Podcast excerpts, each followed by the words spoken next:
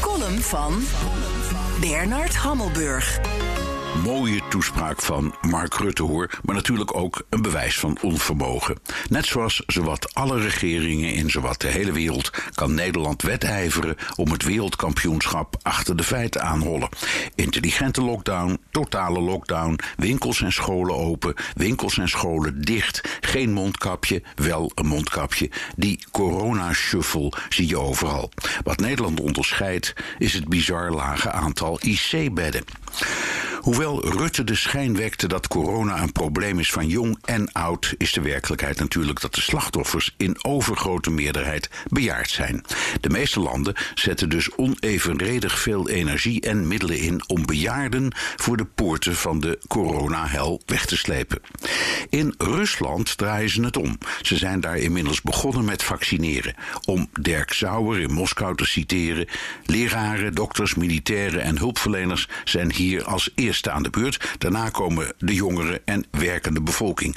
Mensen van boven de 60 komen überhaupt niet in aanmerking voor een vaccinatie. De zwaksten eerst staat niet in het draaiboek van het Kremlin. Bij ons wel, maar toch ook weer niet. Want dat Nederland zo ongeveer de kleinste IC-capaciteit in de beschaafde wereld heeft, komt omdat bejaarden volgens de witte jassen doorgaans niet of in deplorabele conditie uit de IC komen. Zinloos medisch handelen noemen ze het. En dus bieden ze bejaarden liever palliatieve zorg. Daaraan ligt natuurlijk ook een budgettaire overweging ten grondslag. Proberen bejaarden in leven te houden met een geringe succeskans is peperduur. Daarin zijn we een uitzondering, want in veel landen zoals Italië, Spanje, Frankrijk en Duitsland vechten ze even hard voor een 80-jarige als een 40-jarige. Maar dan moet je wel de IC-capaciteit hebben.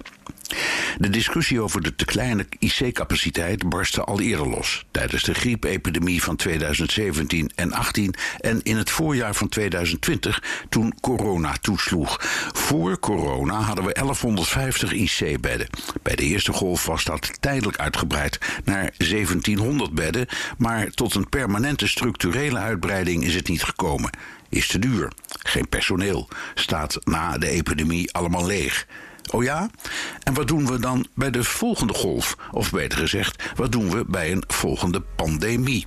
Want dat er weer eens zoiets zal gebeuren, is het enige waarover alle geleerden het eens zijn.